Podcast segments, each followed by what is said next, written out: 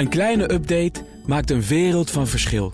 Daarom biedt IKEA voor Business Netwerk gratis snelle interieurtips en ideeën. Word gratis lid en laat je werkplek voor je werken. IKEA, een wereld aan ideeën. BNR Nieuwsradio. Werkverkenners. Rens de Jong. In deze werkverkenners, help, ik heb vier verschillende generaties in mijn bedrijf. Hoe laat ik dat samenwerken? De oud-commandant van de landstrijdkrachten, Mart de Kruif, belt zijn leermeester op. En een vacature van een werkgever die je belooft je studieschuld af te betalen. Nou, dat allemaal zometeen. Eerst het werkverkennersnieuws. Werkverkenners. En dat is zoals altijd met Nelleke van der Heijden. Dag Nelleke. Rens. We hebben het hier in dit programma wel eens vaker gehad over het mooie vak van gemeenteambtenaar. He, allerlei vooroordelen kloppen allemaal niet. Maar eh, nu blijkt er toch ook wel onvrede te zijn bij gemeenteambtenaren. Vertel. Ja, ongelooflijk. Hè? We hebben begrepen dat dat het mooiste vak eigenlijk ongeveer ter wereld zou moeten Als het zijn. maar wel betaalt. Maar het betaalt niet goed inderdaad. En nu zijn ze dus vorige week aan een estafettestaking begonnen. Er wordt al een tijdje onderhandeld, maar dat levert dus volgens de gemeenteambtenaren niet genoeg op. En nu leggen ze al een week om de beurt overal in het land het werk neer. En dan moet je denken aan stadsreiniging of de vuilophaaldiensten. Maar ook BOA's en zelfs kantoormedewerkers leggen het werk neer. Mhm. Actiebereidheid. Hoog, zegt, Ja. eh, zegt FNV-overheid natuurlijk. Ja, en waar gaat het allemaal over? Waar hebben ze een meningsverschil over? Nou, die eh, werkgevers hebben in november al 8% loonsverhoging geboden. En een uitbreiding van de bovenwettelijke vakantiedagen. Ik als freelancer moest even opzoeken. Maar ja, je hebt dus wettelijk recht op eh, vier weken vakantie. Oh ja. En alles wat je daarboven krijgt, dat heet dan bovenwettelijk. Nou, dat hebben ze verhoogd van 6 naar 8 dagen. En eh, nou, dat is allemaal dus niet genoeg. FNV en CNV zijn eh, niet tevreden. Die willen dat het 12% in plaats van 8 wordt. Nou, dat wordt nog een, eh, een heet voorjaar, zeggen we dan hè, in vakbondstaal. Ehm, dan even in coronatijd bejubelden we dat we eigenlijk overal konden werken. Dus ook bijvoorbeeld vanaf een tropische bestemming. Maar in de praktijk blijkt dat een beetje tegen te vallen. Vertel. Ja, uit een onderzoek blijkt dat onze bereidheid om in het buitenland te werken juist aan het afnemen is. Oh. Het schijnt te maken te hebben met vergrijzing. En oudere mensen zijn iets minder avontuurlijk ingesteld dan eh, jonge mensen. Nou, ik kan me ook wel bij voorstellen. Maar goed, in elk geval sinds de coronapandemie zijn we allemaal gaan thuiswerken. Dan hadden we het erover dat we dat dan overal konden gaan doen. Dus de verwachting was, de drempel is omlaag en iedereen wil naar het buitenland. Maar ja, dat blijkt dus helemaal niet te gebeuren. Eh, En als we toch gaan, waar gaan we dan heen? Nou, dan blijken we vooral naar Spanje te gaan. Ja. En Engeland en de VS doen het ook goed. Nog wel een grappig feitje. De groep Europeanen die dan juist naar Nederland komt, die blijft wel groeien. Oké, goed. Wij blijven interessant dus. Dan andere interessante ingevingen voor op de werkvloer. En dat gaat dan over adviezen geven aan anderen. Vertel. Ja, het is niet echt keihard nieuws, maar ik zag een column waarin gedragspsycholoog Chantal van der Leest zegt dat het advies geef nooit op, dat dat echt een heel slecht advies is. Oké. Nou, vond ik toch wel leuk om even mee te nemen. Zij baseert zich op Annie Duke, een pokerspeler en beslisexpert. En die zegt zelfs dat het het stomste advies is eh, dat er bestaat. Nou, als je terugkijkt bij winnaars, oké, die hebben nooit opgegeven. Maar als je het omdraait, mensen die niet opgeven, winnen niet altijd. Ah. Soms is er gewoon een reden om, eh, om toch te stoppen. En zij zegt dat ook over zichzelf als pokerspeler. Ja, als ik gewoon slechte kaarten heb, dan heeft het geen zin om door te spelen. Leg ik die ook gewoon op tafel. Ja. Maar eh, mensen blijven dat toch wel gewoon doen. Hè? Blijven gewoon doorgaan. Eh, hoe zit dat dan? Ja, we denken eigenlijk altijd... ehm, ja, ik heb al zoveel tijd in, energie ingestoken. Misschien ook alweer geld ingestoken. Dus dat is toch zonde om dan te stoppen. Maar ja, als het nergens toe leidt... waarom zou je dan nog meer tijd en energie en geld erin steken? Dat je ook bijvoorbeeld in iets nieuws kan stoppen. Nou, hartstikke mooi. Eh, het- dus eh, zeg nooit tegen een ander, geef nooit op. Want dat is gewoon een slecht advies. Dat is slecht advies. Goed. Overigens, over op tijd stoppen gesproken, Alfred Schreuder. De gewezen coach van Ajax. Ja, die is vorige week aan de kant gezet toen Volendam en Ajax gelijk speelden. Dat is de zevende wedstrijd achter elkaar dat er puntenverlies was. Doet pijn in mijn hart. Ja. Ja, ja, ja, precies. Dus op zich logisch dat die wegen scheiden hè, van Ajax en Schreuder.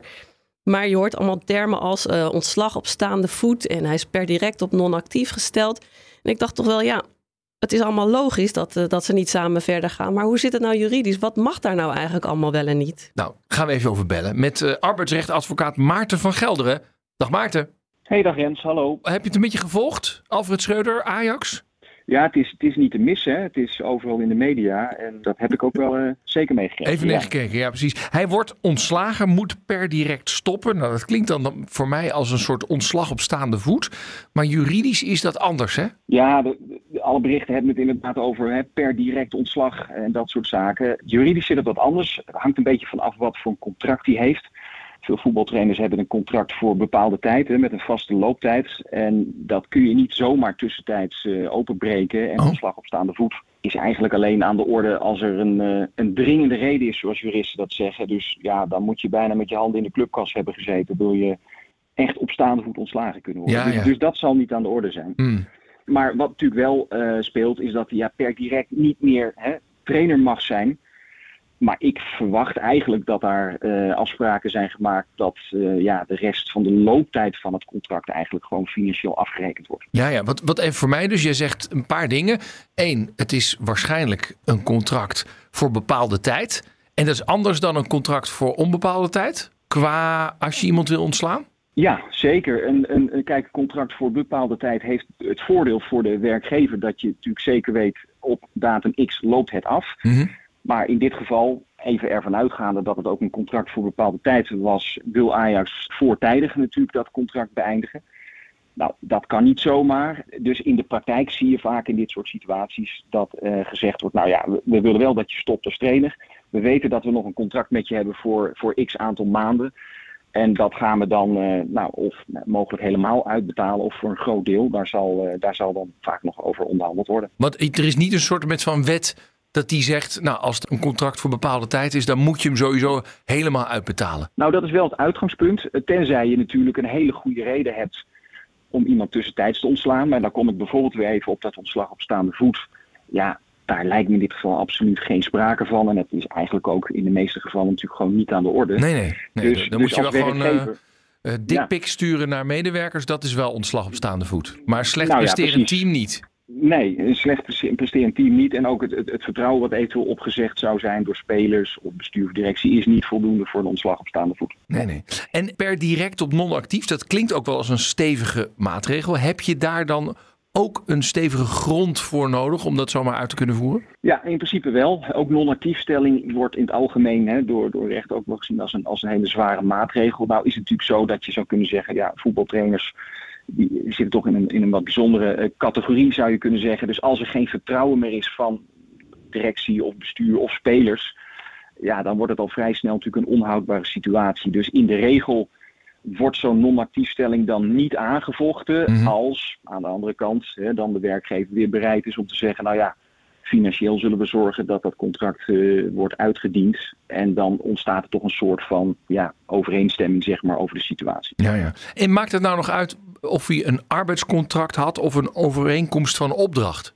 Ja, absoluut. Hè, arbeidscontract geeft in de regel de, de werknemer meer rechten, meer bescherming. En bij een overeenkomst van opdracht, ja, dat is eigenlijk een overeenkomst die wat makkelijker door uh, de opdrachtgever dan in dit geval hè, opgezegd kan worden. Nou is het wel zo dat ik ervan uitga dat als er sprake zou zijn van een overeenkomst van opdracht, dat ja, zeker voetbaltrainers die toch weten dat ze uiteindelijk de kop van Jut kunnen zijn, van tevoren wel wat dingen vastleggen in zo'n overeenkomst. Dat hè, als ik ontslagen word, wil ik nog een bepaalde vergoeding of een bepaalde oh, ja. hebben. Dat, dat, Dus kun, dat kun je dat kun je afspreken in een overeenkomst van opdracht. Van als je me eruit dondert, dan kost dat zoveel. Exact. Ah, en, en, in een arbeidscontract kan dat niet, want dan gaat denk ik de kantoorrechter erover. Nou, bij voetbaltrainers eh, gaat het meestal niet langs de rechter als het zover komt, maar naar een speciale arbitragecommissie van de KNVB. Maar eh, ook in een arbeidscontract zou je inderdaad afspraken kunnen maken van, eh, nou ja, als ik ontslagen word, dan vind ik dat eh, vergoeding X of Y betaald moet worden. Dus, dus dat zou zeker kunnen, maar in de basis geeft een arbeidscontract eigenlijk ja, meer juridische bescherming bij ontslag dan een overeenkomst van opdracht. Dankjewel. Dankjewel. Rens de Jong. Dan de themavraag van deze uitzending. Hoe werken alle verschillende generaties op de werkvloer nou optimaal samen? Vier generaties kunnen er nu binnen één organisatie rondlopen. En hoe verschillend ze zijn, nou dat leggen we even voor aan de jongste generatie zelf. We zijn op zoek naar grenzen in een wereld vol mogelijkheden. En generatiekenners schijnen hun licht op die jongste generaties. Die zeggen willen, en denken moeten. Ik wil een marathon lopen. Betekent, oké, dan moet ik dus nu de marathon lopen. Ja, er is een duidelijke indeling van generaties die elk steeds 15 jaar duren. 80% van de mensen voelt zich echt thuis in zijn eigen generatie, waar die qua jaartal ook bij hoort. Maar je hebt 20% van de mensen, en dat is vooral gevallen die een beetje op die grens zijn geboren, die zich een beetje herkennen in beide generaties. Hoe moet je nou vanuit werkvloerperspectief naar de verschillende generaties kijken? Je zou eigenlijk elke generatie als een nieuwe update in het systeem kunnen zien. Nou, weer even naar de jongste generatie. Die denkt, net als andere generaties, na over wat er voor elkaar moet komen. Wat willen we op professioneel vlak, op persoonlijk vlak? En ik zie bij mezelf, maar ook bij veel andere generatie ooit genoegers, dat die lijst super lang is. Nou, uiteraard is natuurlijk voor een optimale samenwerking goed communiceren de sleutel. Maar er zit wel meteen een uitdaging in. In het gesprek met generatie Y en Z. Ik merkte dat deze generatie weinig taal heeft om over zichzelf te praten. Werkverkenners. Zelf ben ik van de pragmatische generatie. Ik kom uit 1975. Ja, verder loopt nog de generatie voor mij rond, generatie X. En de millennials en de eerste lichting van de generatie Z. Die zijn allemaal jonger dan ik. Vier verschillende generaties dus en daarmee ook hele uiteenlopende leeftijden. Zijn wij als generaties nou heel erg verschillend? Of is een belangrijk gedeelte ook te verklaren door de verschillende levensfasen waar we nou eenmaal in zitten? Mijn naam is Marieke Gronstra. Ik ben de oprichter van Generatiestorm, adviesbureau gericht op het benutten van de diversiteit van generaties op de werkvloer. En ik werk ook uh, bij Kessels Smit de Learning Company, adviesbureau gericht op het leren binnen organisaties. We hebben nu vier of vijf generaties op de werkvloer rondlopen? Ja, dat hangt er maar van af bij welke organisatie je binnenstapt. Uh, maar idealiter heb je vier generaties op de werkvloer. Ja, een van de dingen die vaak wel in het oog springt, is hoe je denkt over werk. Dat zou je ook kunnen vertalen als arbeidsethos. Wat zijn de verschillende ja, belangrijkste verschillen tussen generaties als het daarom gaat? Om de voornaamste generatie die vaak goed vertegenwoordigd is bij iedere organisatie. Generatie X, dus geboren tussen 55 en 1970.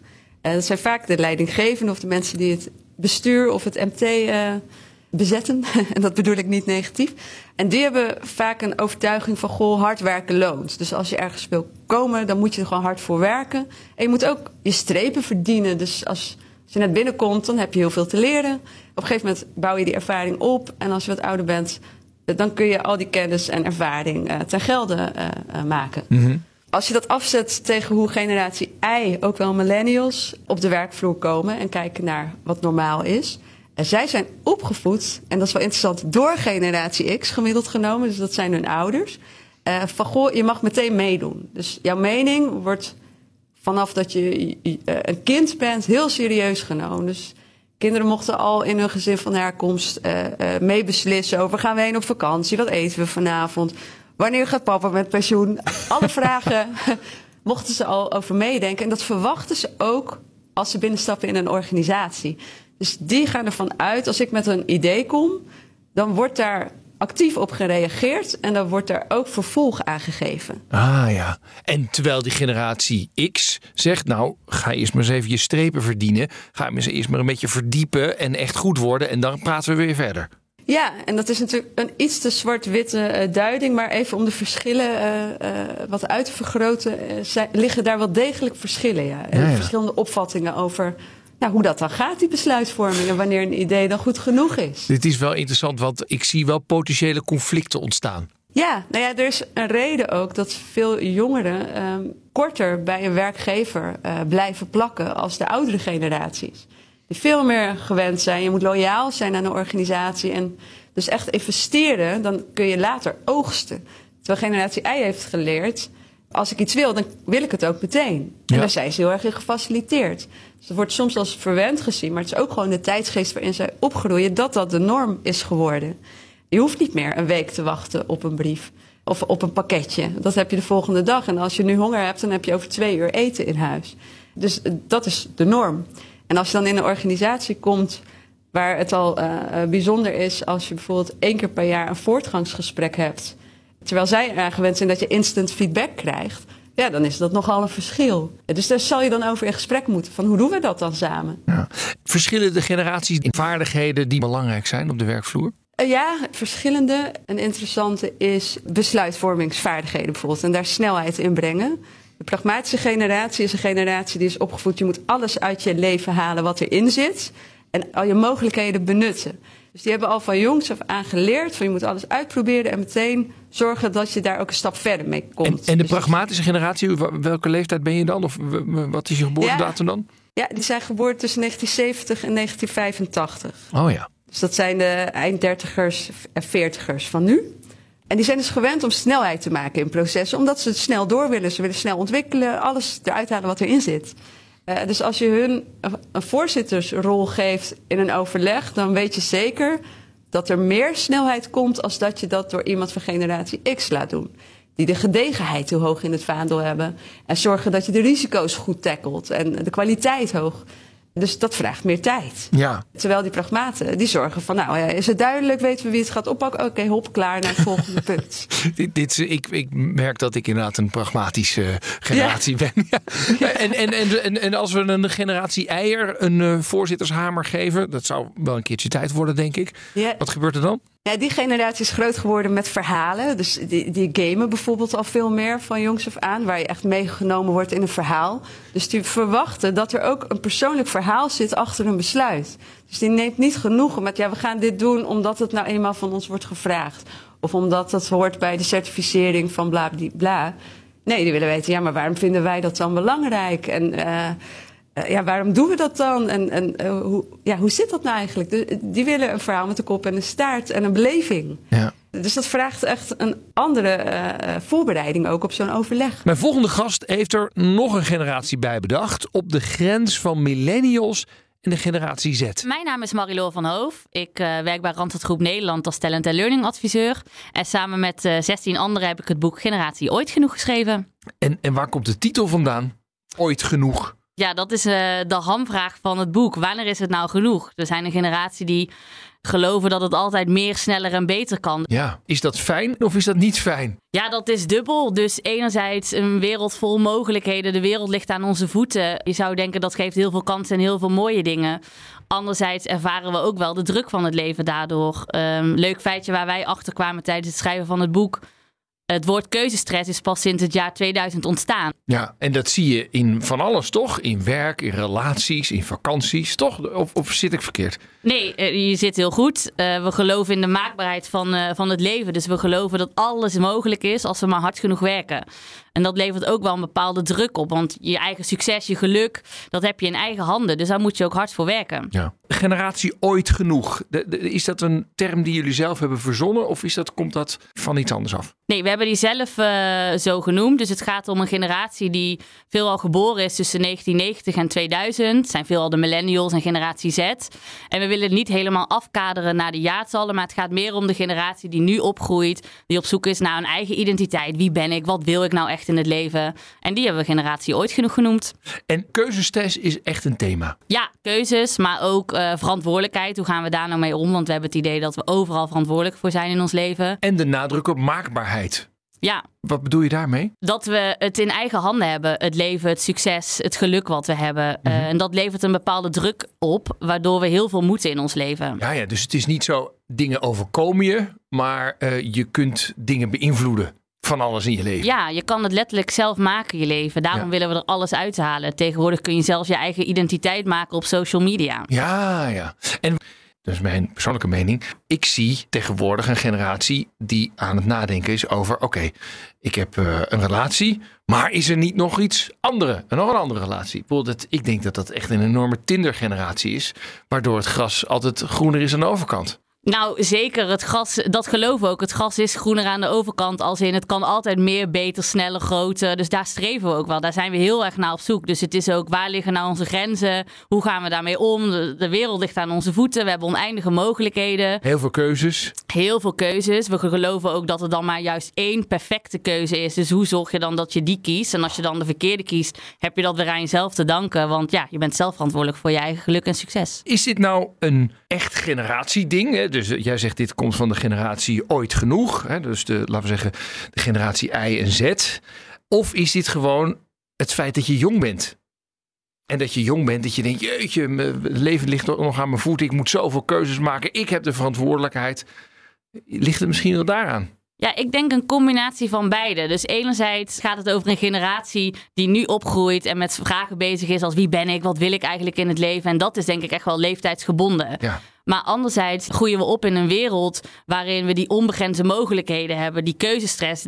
En we groeien op met technologie. Dus een aantal jaar geleden speelde je misschien alleen nog Snake op de Nokia. Maar tegenwoordig eh, krijg je op je smartwatches en je telefoon een cijfer over hoe goed je nachtrust was. Op social media kan je de hele wereld volgen en word je continu blootgesteld. En misschien ook wel geconfronteerd met de perfecte beelden van anderen. Ja. Hoe is dat voor jou? Ja, ik vind dat ook lastig. Ik merk dat als bij mij het heel lang stabiel is, bijvoorbeeld op werk of thuis of privé, dat ik dan ook onrustig word. Dat ik denk, oh, ik wil weer een nieuwe uitdaging, weer iets nieuws, weer sneller, weer beter.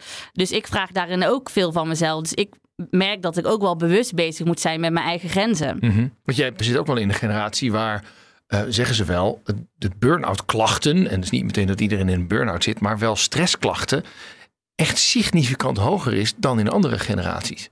Ja, ja, dat klopt. Dat, dat hebben we ook wel teruggehoord in de gesprekken. De, de druk en de stress die het met zich meebrengt. En hebben we ook wel zelf ervaren met het schrijven van het boek. We hebben dit in de avonduren en in het weekend geschreven. Dus dat deden we naast een fulltime baan. Ja, dan is het ook best moeilijk om die grenzen te bewaken. Want er zit heel veel enthousiasme en motivatie op het schrijven van het boek. Maar anderzijds moet je er ook heel veel dingen naast doen. Dus hoe ga je dat nou combineren? En mijn laatste gast die stuitte op zoveel vragen over de jongste generaties... dat ze besloten antwoorden bij die mensen zelf te zoeken. Ik ben Ingelien Veldkamp en ik ben organisatieadviseur.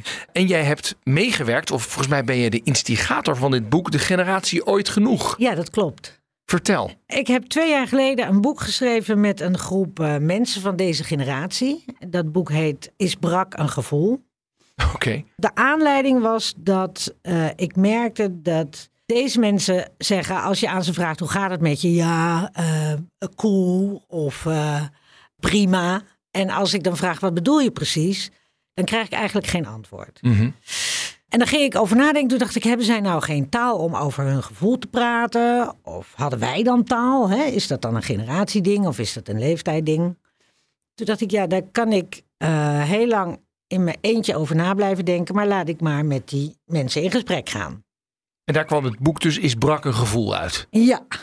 En toen was dat boek klaar. Toen dacht ik, het is nog niet af. Want uh, door al die gesprekken met die mensen en door dat schrijven van dat boek, dacht ik, ja, daar spelen ook allerlei andere dingen. Ze hebben niet alleen weinig idioom, weinig taal, maar ze leven onder een constante druk. Mm -hmm. Dus laat ik nou eens uit gaan zoeken wat die druk nou precies is.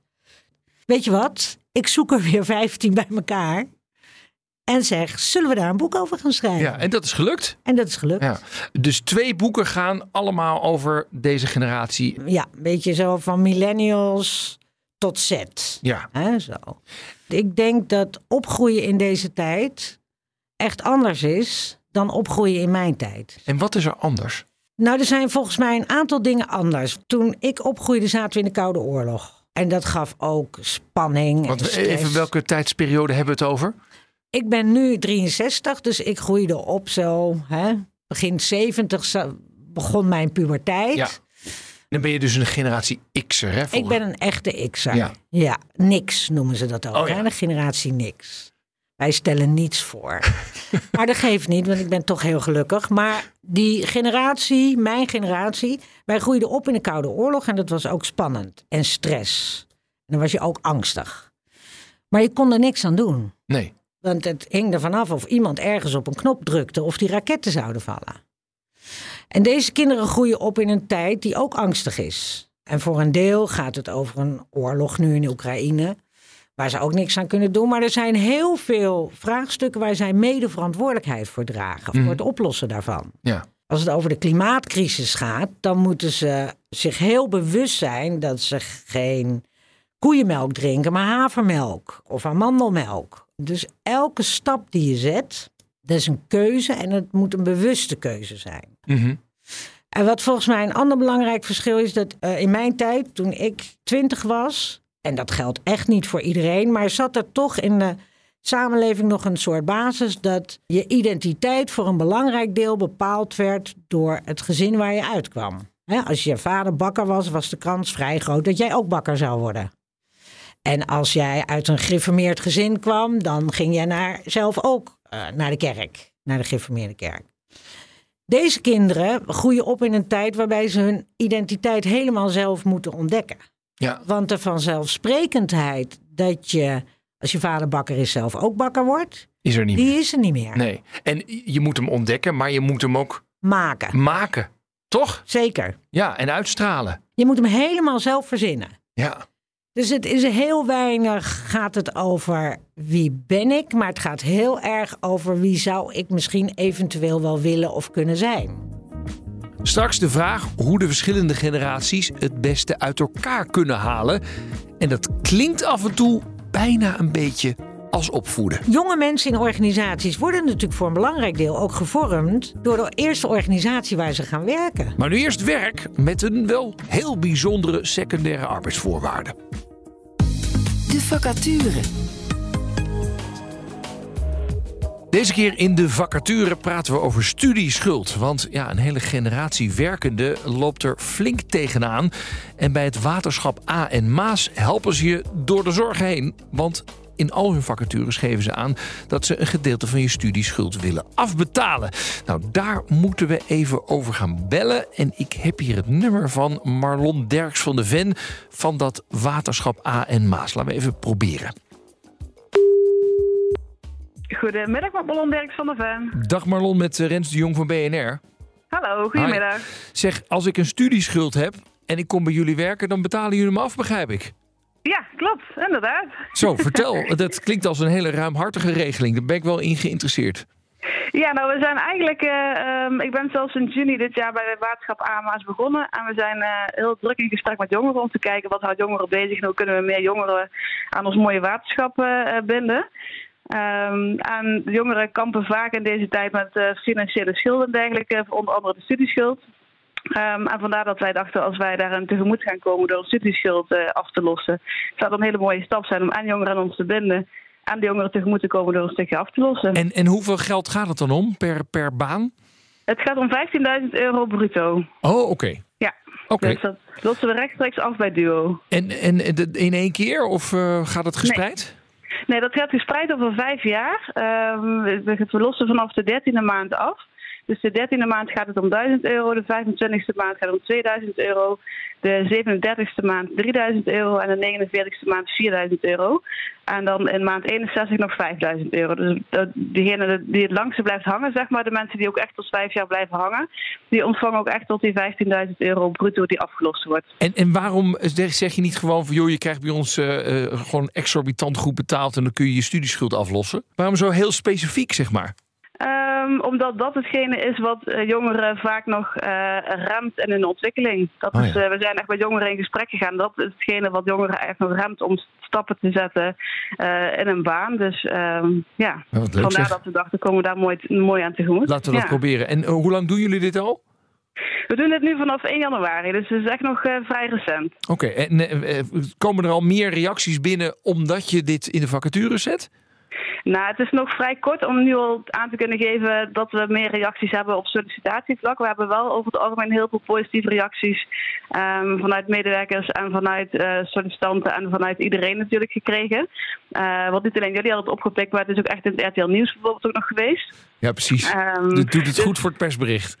Ja, zeker. Maar nog één ding, hè, wat, wat je zegt, medewerkers reageren ook enthousiast. Ik kan me ook wel bedenken dat medewerkers die zeg maar eh, geen studieschuld hebben opgelopen, maar wel, eh, nou ja, weet ik veel, eh, andere noden hebben, die zeggen, ja, maar wa- waarom alleen een studieschuld? Ik, ik, ik heb ook iets wat ik achter me aan tors. Kan Ja. het waterschap daar ook niet iets aan doen? Nou, we gaan wel echt met iedereen in gesprek. Dus ehm, op het moment dat we ergens in tegemoet kunnen komen, zullen we het altijd wel proberen. Maar natuurlijk wel gewoon binnen de normen. Dus eh, studieschuld is een hele mooie, omdat het voor een hele grote groep medewerkers geldt. Eh, mochten mensen echt in financiële problemen zitten, dan bieden we wel altijd hulp aan om daarover in gesprek te gaan, om daarin ook begeleiding aan te bieden. Dus ehm, dat zijn sowieso dingen waar we eigenlijk altijd met onze medewerkers over in gesprek gaan. Dankjewel, Marlon Derks van de Ven. Dankjewel. Rens de Jong. Terug naar onze themavraag van vandaag over verschillende generaties op de werkvloer. Oké, ik ben dan wel overtuigd. Er is meer verschil dan alleen maar andere levensfases. Er zijn echt verschillende generaties op de werkvloer met eigen normen en waarden en een eigen arbeidsethos. De vraag is dan, hoe buig je het onbegrip over en weer naar om naar samenwerken, waarbij de verschillende generaties elkaar juist versterken? Eerste generatie ooit genoeger, Marie-Loor van Hoof. Ik denk dat dat begint bij een stuk bewustwording en begrip naar jezelf, maar ook naar de ander. Van wat zijn nou behoeftes, wat vind ik nou prettig en daar vooral het gesprek over voeren. Ik denk ook niet dat er één handleiding is met zo moet je omgaan met deze generatie. Dus ik denk juist daarom dat dat gesprek zo belangrijk is. Mhm. En welke vragen stel je dan als leidinggevende bijvoorbeeld in dat gesprek? Nou, bijvoorbeeld wat je prettig vindt als je het hebt over doelen stellen. Dat het is nu januari, een actueel thema. We zijn weer doelen aan het formuleren voor komend jaar. Dus het helpt denk ik als leidinggevende en collega's om daarin ook te begrenzen. Van wat wil je nou echt en hoe kunnen we je daarbij helpen? Mhm. Ja. Of je zou het juist ook andersom kunnen doen. Van, oh, ik heb iemand die heel enthousiast is. En die wil heel veel eruit halen. Ik ga diegene helpen. Hoor ik je dat zeggen van nou, moet je misschien niet de hele tijd doen? Nou, helpen zeker wel. Maar ik denk vooral ook het gesprek blijven voeren van... is het veel of is het te veel? Ja. En dat is denk ik belangrijk. ja. Wordt dat gedaan bij jou? Ja, dat wordt bij mij gelukkig wel gedaan. En ook iets wat ik zelf, waar ik zelf veel mee bezig ben. Dus ook zelf wel op de agenda zet, om het zo maar te zeggen. Maar da- ja, daar voer ik wel het gesprek over. Want dat is ook wel mijn valkuil. Ja. Ja, Te veel hooi op je vork willen nemen. Of te veel het idee moeten hebben. Ik moet dit allemaal presteren om succesvol te zijn. ja, ja, want waar het boek ook wel over gaat... we zijn zelf verantwoordelijk voor ons eigen succes. Dus dan moeten we dan ook maar hard voor werken. Ja. Eh, Jij zegt een buddy zou een goed systeem zijn of een goed idee zijn op de werkvloer. Vertel eens meer over. Ja, ik denk dat het waardevol is als je met een buddy het gesprek voert over wat wil je nou, wat zijn je behoeftes op werk. En om elkaar daar ook in te helpen, zodat je elkaar ook kan versterken. Mhm. Wij als generatie vinden het ook best moeilijk om de hulpvraag te stellen, omdat we het idee hebben als iets niet goed gaat, dan heb je het ook aan jezelf te danken, want je bent er zelf verantwoordelijk voor. Eh, dus het is ook mooi als je, daar, als je elkaar daarin kan challengen. En dat moet dan iemand van een andere generatie zijn, hoor ik jou zeggen, of niet? Dat hoeft niet, maar dat zou wel mooi zijn, want die brengen wel andere eh, mooie perspectieven met zich mee. Wat zijn nou typische werkeigenschappen van jouw generatie waar andere generaties weer wat aan kunnen hebben? Ik denk dat onze generatie goed gaat op een hoog tempo. Dus we zijn van doorpakken, aanpakken, eh, snel opleveren. Ik denk dat dat iets eh, moois en daadkrachtig is van onze generatie. En hoe zouden we daar dan als werkgevers goed gebruik van kunnen maken? Als je zegt, nou, we willen graag tempo maken en snel opleveren, et cetera. Ik denk dat het helpt om onze generatie ook echt verantwoordelijkheid te geven. Dus dat vinden we heel prettig, die verantwoordelijkheid. Want we zijn zelf verantwoordelijk voor ons eigen succes. Dus om dat ook daadwerkelijk te geven, ik denk dat dat heel erg helpt. En dat wij ook heel erg dan in de actiestand komen. Ja, ja. En zie je daar ook wel de risico's van? Ja, het risico daarvan is dat we het lastig vinden om te begrenzen. Dus wat ik ook bij mezelf herken is als er een nieuw project komt, dan is het ja, ik wil meedoen en ik wil hier aan meewerken en let's go. Maar je moet ook opletten dat het niet te veel gaat worden. Ja. En ik kan me voorstellen, omdat jullie allemaal nog niet mega veel ervaring hebben, dat een job soms ook wel gewoon iets te hoog gegrepen is nog.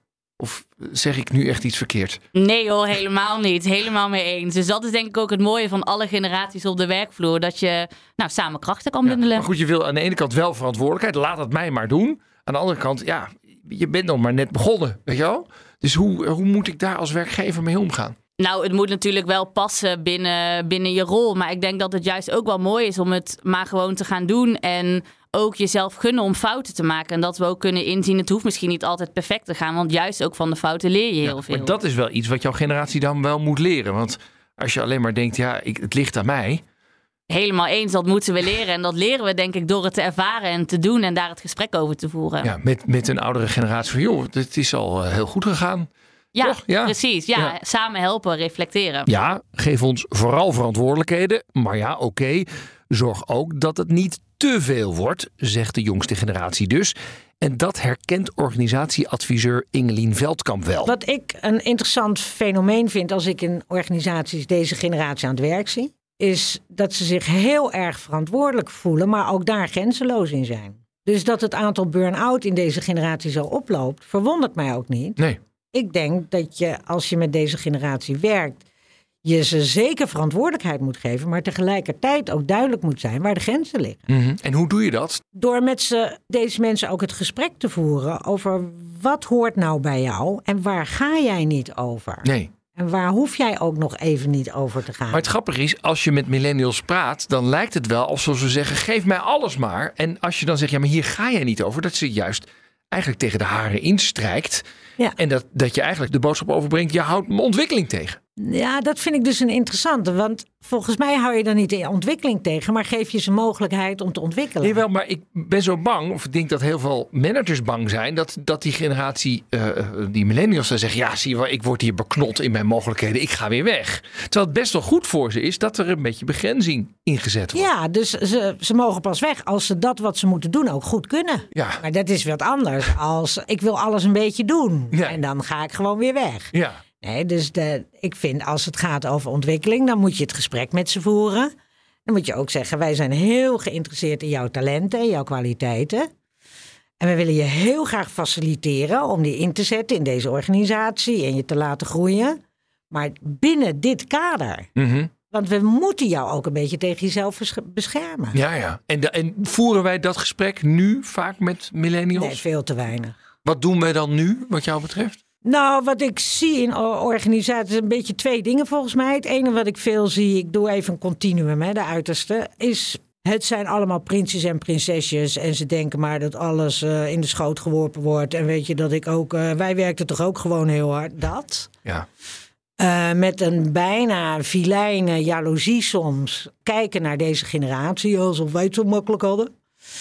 Of, en dat is een beetje waar jij net ook misschien wel op doelde, heel erg die mensen in de watten leggen vanuit een soort angst, anders gaan ze weg. Met als het gevolg dat die mensen eh, honderdduizend interessante dingen een beetje meemaken. Maar vooral in verwarring zijn over waar ben ik nou eigenlijk goed in. Ja, ja. En dat inzicht zou je moeten helpen om ze beter te begeleiden. Ja, Om ze goed te maken in een bepaald iets. En, en ook de diepte in te laten gaan. Nou, in ieder geval, als mensen op zoek zijn naar hun identiteit, en dat zijn ze in die fase, help ze dan om ze te laten ontdekken wat hun talenten en kwaliteiten zijn. Mhm. Want hè, als het gaat over wie jij bent, is het wel fijn als je denkt, nou, daar ben ik goed in. Ja. En dat vind ik ook heel inspirerend. Leuk. Ik hou niet van het woord leuk, maar leuk. Dus ga dan, ze hoeven van mij niet allemaal erg specialist in te worden, maar ga in ieder geval, geef ze de mogelijkheid om te ontdekken en faciliteer ze daar ook in om hun talenten en kwaliteiten te ontdekken en, en te ontwikkelen, Ja. verder te laten groeien. Moet je je werkvloer in hokjes indelen en denk oh je hebt er zo eentje, zo eentje. Zodat ik iets meer die bril op heb en snap wa- waar gedachten of uitspraken vandaan komen? Nou, ik weet niet of je zo je organisatie moet indelen, maar ik denk wel dat het verrijkend is om te begrijpen vanuit welk wereldbeeld mensen zijn gaan groeien in hun leven. Ja? En wat het helpt mij als ik met mensen van 70 aan tafel zit om te denken: oh ja, jullie zijn na de oorlog opgegroeid in echt een andere tijd. Toen woonden er 7 miljoen mensen in Nederland. Ja. Eh, en, en de zuilen waren duidelijk. En jullie, eh, Nederland was één geheel. Dijken open, beurzen open en dijken dicht. Weet je, dat, dat eh, hebben jullie allemaal meegemaakt. Ja. Dus voor mij is het verrijkend om te begrijpen dat overwegingen die ik maak niet zo vanzelfsprekend zijn voor een andere generatie om die op dezelfde manier te maken. Ja. En het grappige is, volgens mij is dat met alles bijna zo. Als je echt een poging doet om elkaar te begrijpen. En daar drie, vier vragen doorstelt in plaats van eh, aannames doet. Helpt het al Ja. enorm. Maar hoe komen we richting dat punt? Dat we dat dus bij ieder individu op de werkvloer echt even iemand proberen te begrijpen. Nou, ik denk dat we steeds meer gedwongen gaan worden. Ja, omdat mensen gewoon weglopen en talent Ja. schaars is. Ja. Weet je, dat bedoelde ik net ook. Het is niet zo dat je ze nu allemaal in de watten moet gaan leggen, omdat je anders bang bent dat ze weglopen. Dat is helemaal niet waar ik voor pleit. Maar ik vind wel dat je het eerlijke, serieuze gesprek met elkaar moet voeren. Ja. En dat je elkaar serieus moet blijven nemen in de organisatie. Volgens Marieke Grondstra van adviesbureau Generatiestorm is er niet zozeer enorm veel onbegrip tussen de verschillende generaties. Maar je merkt wel dat mensen eigenlijk niet zo vaak de vraag stellen van... goh, maar waarom vind je iets nou belangrijk? Of waarom wil je op een bepaalde manier werken? Dus dan, dan wordt het meer gezien... oh, nou ja, dan heb je weer zo'n jongere die alles snel wil doen. Ik zeg maar, dat is een beetje een vooroordeel hè, of een aanname. Eh, maar niet wordt gecheckt waar dat hem dan in zit. En juist die vraag om erachter te komen van... goh, wat drijft je nou of waarom vind je dat nou zo belangrijk... maakt vaak dat mensen zich echt gehoord voelen aan de, van de ene kant... En dat de andere kant beter begrijpt van, oh, maar er zit een hele wereld achter. En als iemand dus op een bepaalde manier mag werken, komt er veel meer energie vrij. Oh ja. Wat voor iedereen prettig is. Ja. Voor, ook voor de, de, degene aan de andere kant van de tafel. Dus het grappige is, het, het aloude probeer elkaar nou eens een keertje echt te begrijpen in plaats van aannames te doen, eh, helpt in deze situatie dus ook. Ja, en heel groots gezegd helpt het ook voor een organisatie om vitaal te blijven. Dus net als met dat computersysteem waar ik het eerder over had. Je hebt die verschillende updates nodig om bij de tijd te blijven. Als jij niet die updates toevoegt, dan blijf je een organisatie die nog steeds gestoeld is op de principes van 20 of 30 jaar terug. En kun je dus niet mee met de tijd, met wat de burgers van u vragen. Stel, je bent een koekjesfabriek. Dan moet je ook weten welke smaak mensen nu tegenwoordig lekker vinden. Als je niemand hebt je organisatie die daar representant van is, of de ideeën daarover mag delen. Ja, dan leef je nog steeds in de illusie dat iedereen, iedereen een kokosmacroon wil. Terwijl niemand meer kokosmacroon eet. Ja, ik moet er erg om lachen. Ik ben een enorme liefhebber van kokosmacronen. Mooi dit. Ik, voorbeeld. ik heb oh net nog bij de Albert Heijn een hele zak gehaald en dan probeer ik vanaf te blijven. Dus ik moest even lachen daarom. Oh, hilarisch. Ja. Misschien moet ik een andere koeksoorten. Die wat Ik vind het mooi. Ik vind het mooi. Ik ben Ja. misschien qua koeksoort gewoon heel ouderwets. Dat zou kunnen. Ik, bokkenpootjes vind ik ook nog steeds heel lekker. Dus Oh ja, precies. Dat is ook zoiets. Goed, ja. En maar even, even iets anders. Hè. Want jij zegt, je moet elkaar proberen te begrijpen. Dat snap Mhm. ik. Aan de andere kant, omdat we mensen toch in een soort hokjes indelen... is het dan niet zo dat het juist voor onbegrip gaat zorgen? Want je gaat al zeggen, ja, jij bent de generatie I, dus jij zit zo in elkaar. Of jij Mhm. bent de generatie pragmatisch, dus jij zit zo in elkaar. Ja, ja. ja, dat gevaar is er zeker. Dat is altijd als je met hokjes werkt. En wij zeggen eigenlijk altijd: het is een bril die je op kan zetten om door te kijken en scherper te zien waar de verschillen zitten, maar ook waar je juist de brug kan slaan. En hou die bril niet altijd op. Je kunt hem ook weer afzetten. Wat we eigenlijk altijd propageren is dat mensen intergenerationeel met elkaar gaan werken, maar dan bewust. En dat betekent zoveel als zorg dat als je het bijvoorbeeld gaat hebben over een nieuw traineeship wat je wil opzetten, dat je daar mensen in zet van iedere generatie die werkzaam is binnen de organisatie. Omdat je allemaal nodig hebt om hun perspectief op ontwikkeling te delen. En vergeet vooral ook niet die generatie over wie het gaat. En dat bedoelen we eigenlijk om bij elk project, al is het een eh, innovatie of productontwikkeling, zorg dat je de verschillende generaties aan tafel hebt. Omdat die gewoon een spiegel zijn naar eh, hun representanten in de maatschappij. Dus ja, als je echt wil weten dat je alle stemmen in de Kamer hebt, dan heb je ook alle generaties nodig. Is het ook echt een synergie? 1 en 1 is 3 als je verschillende generaties met elkaar laat samenwerken? Ja, dat is interessant. Dat, dat vraagt wel even wat. Dus het vraagt en bewustzijn van, goh, we hebben verschillende brillen hier in de Kamer. En het vraagt ook actieve ondersteuning, helemaal in een hiërarchische organisatie, om te zorgen dat al die stemmen zich ook laten horen. En hoe het is bedoel je dat niet dan? altijd vanzelfsprekend. Maak het zo concreet dan. Bijvoorbeeld, wij doen heel veel opdrachten eh, voor ziekenhuizen. Mhm. En daar heb je bijvoorbeeld, eh, stel je zit in vakgroep chirurgie, heb je chirurgen, je hebt operatieassistenten en je hebt eh, ook artsen in opleiding. Nou, er zit nogal wat verschil in in wat die mogen in de operatiekamer. Maar dat wil niet zeggen dat zij niet allemaal een hele interessante mening en input kunnen leveren als het gaat om hoe kunnen we onze dienstverlening verbeteren. Maar voordat je het daar echt over kan hebben, vraagt het zowel van de chirurg, die vaak wat ouder is dan de arts in opleiding, ehm, dat zij het expliciet maken dat die verschillen er zijn. En dat er actief wordt uitgenodigd door die chirurg. Van goh, ik weet dat ik in de operatiekamer de baas ben. Of zo gaat het nou eenmaal. Ehm, maar in dit overleg wil ik dat wij als gelijken hier instappen en dat al onze ideeën op tafel komen. Ja. Eh, door dat heel expliciet te maken is het vaak makkelijker voor mensen om dat ook echt te doen. Is er wat jou betreft voldoende interesse in de andere generatie? Ja, wel steeds meer. Want ik ben hier nu zo'n twaalf jaar mee bezig. En er zijn mensen die daar al veel langer mee bezig zijn. Zoals al Henk Becker of Aart Bontekoning. En je merkt wel dat er steeds meer eh, aandacht is voor deze vorm van diversiteit op de werkvloer. Dus dat merken wij als generatiestorm, maar ook bij Kessels en Smits. Dat er steeds meer vragen ook komen van, goh, hoe gaan we nou om met die verschillen? En hoe, maken we die, hoe, benutten we die? Ja. In plaats van dat we ze als probleem zien. Conclusie over de generaties. Ze zijn er. Iemand die in de Koude Oorlog opgroeide, denkt anders over het leven en het werk dan iemand die nu opgroeit met de dreiging van te verregaande klimaatverandering. Want ja, de Koude Oorlog, daar kon je niet zo heel veel aan doen. En klimaatverandering, daar kun je zelf wel wat aan doen. En dus moet je er wat aan doen. Voor deze jongste generatie is alles maakbaar en dus ook je eigen succes. En dat brengt druk met zich mee, een groot verantwoordelijkheidsgevoel en keuzestress. En omdat deze generatie ook gewend is dat iets wat je de ene dag bestelt de volgende dag wordt afgeleverd, rekent ze erop dat eenzelfde snelheid in de carrière zit. Ook de pragmatische generatie houdt van doorpakken en niet te lang stilstaan bij een onderwerp. En dan weer generatie X, die doet juist graag alles goed doordacht. Om maar eventjes wat verschillen te noemen. En hoe werken die verschillende generaties nou optimaal samen?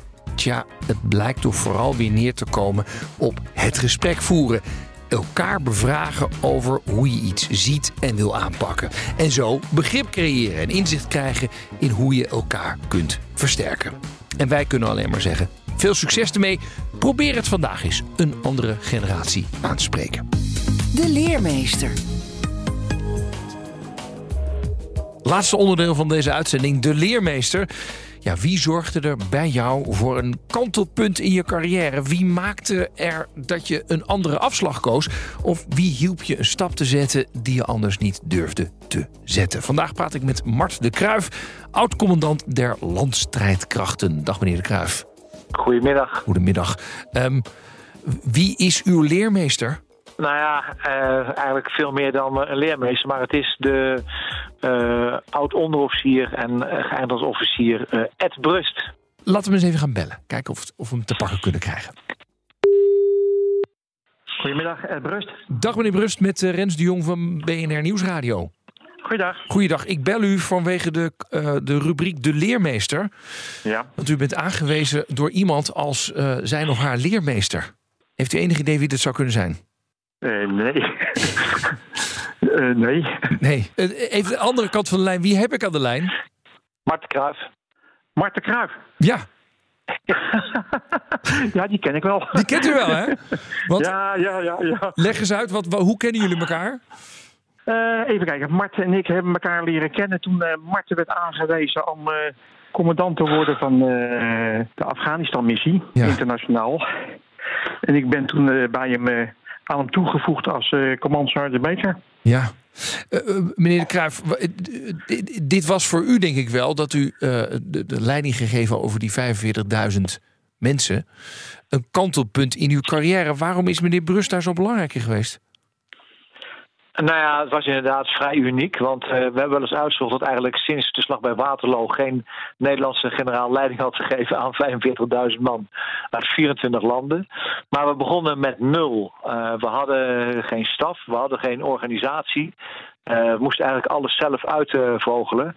en er zijn een heel klein clubje begonnen. Nou, daar heeft Ed een uh, cruciale rol in uh, gespeeld. En tijdens de missie was Ed eigenlijk degene die verantwoordelijk was voor de discipline van de, die 45.000 man. En de mensen op het hoofdkwartier. En mij ook nog eens een keer, zoals de Britten zo mooi zeggen, van de ground truth moest voorzien. Ed was voortdurend buiten, koppelde mij terug en zegt: Ja, je hoort wel uit de rapportages dat het zo gaat. Maar eigenlijk staat het toch echt anders bij. Ja, meneer Brust, een leermeester. Had u dat ooit verwacht dat uh, meneer de Kruijf u zo zou aanwijzen? Nou, niet, niet persoonlijk, nee. Ik had nooit verwacht dat, uh, dat Mart dat zou zijn. Nee, nee meneer de Kruijf, u, de, de, u, verwacht, u verrast uw collega hier een beetje mee. Ja, het is ook de opzet, hè. De kern van het militaire bestaan en militaire operaties zou tegenstander een beetje verrassen. Dus dat is goed gelukt. ja, en, en, en maar even voor mij, hè, ik, ik vraag me dan zo af. Hè, kijk, het, het, ik kan me wel voorstellen, meneer de Kruijf, dat mentale steun, waar we het hier toch ook echt al over hebben. Ik kan op jou bouwen. Dat dat heel belangrijk is in het, in het vak van een militair. Ja, cruciaal. We hebben in dat jaar eh, 282 eh, mannen en vrouwen verloren. We hebben meer dan 700 mannen en vrouwen naar huis gestuurd. We hebben honderden Afghaanse mensen in onze ziekenhuizen gehad die daar overleden. Uh, we hebben elke dag de dood op onze schouder gehad. En als je het elke dag meemaakt, uh, dan krijg je een hele hechte onderlinge band. Dan weet je waarin mensen sterk zijn en niet. Dan weet je waar je af en toe even de schouder kunt halen die je gewoon nodig hebt om uit te rusten. Dat schept een band die voor buitenstaanders hier moeilijk uit te leggen is, maar die is er voor het leven. Ja. Ed, uh, meneer Brust, herkent u dit? uiteraard als je iets meemaakt, ja, daar moet je over nadenken, maar je moet het ook tegelijkertijd verwerken. Want ja, de, de volgende dag staat er gewoon weer aan te komen en ja. dan staat de volgende operatie. En natuurlijk kun je dan je emoties of eh, wat anders kun je alleen maar kwijt bij die mensen met wie je nauw samenwerkt en die jou begrijpen. Ja. Ja, zo gaat het dan. Eh, U, u, u zegt beide een band voor het leven. Betekent dat dat je elkaar ook nog vaak opzoekt? Of is het gewoon als je elkaar ziet, dan weet je, eh, wij zijn voor het leven aan elkaar verbonden? Het is, eh, we, komen nog op regelmatige basis bij elkaar. Dat doen we met een paar mensen. In maart komen we weer bij elkaar. Het, maar, maar er is meer natuurlijk. Je hoeft elkaar elkaar aan te kijken. en dan begrijp je eh, wat de ander op dat moment aan het denken is. Eh, bijvoorbeeld, ik, weet, ik heb bij eh Mart op zijn staf gewerkt in, Utrecht toen die commandant landstrijdkrachten was. En er waren natuurlijk bepaalde data waarin dingen gebeurd zijn die je nooit meer vergeet. Nee. Nou, een buitenstaander weet daar niks van.